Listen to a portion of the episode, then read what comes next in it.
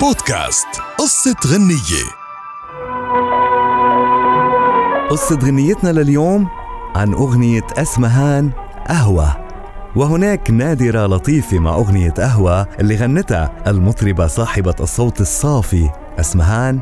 بعد ما كانت تعاقدت على تأليف أغاني فيلم غرام وانتقام مع الفنان يوسف وهبي وهو أيضا من بطولة أنور وجدي وقدم عام 1944 وقال كاتب هذه الأغنيات كعادتي رحت أقرأ السيناريو مرات ومرات دون أن يفتح الله علي بشيء أو كلمات أرضى بها.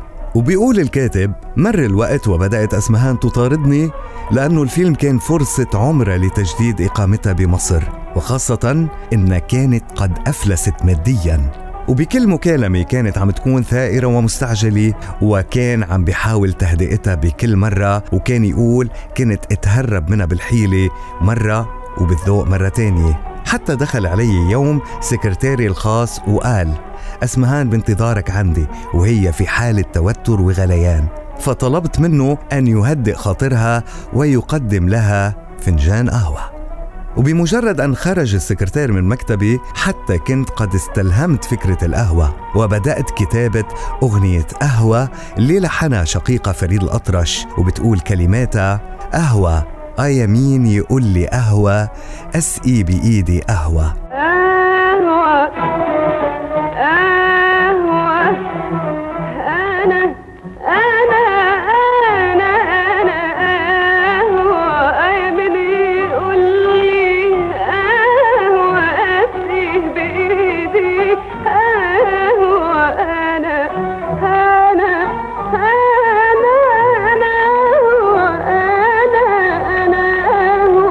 وبعد نهايته من كتابة هذه الكلمات الجميلة اتحلت العقدة وكتب بقية أغاني الفيلم ومنها أغنية إمتى حتعرف إمتى إني بحبك إمتى؟ واللي لحنها القصبجي.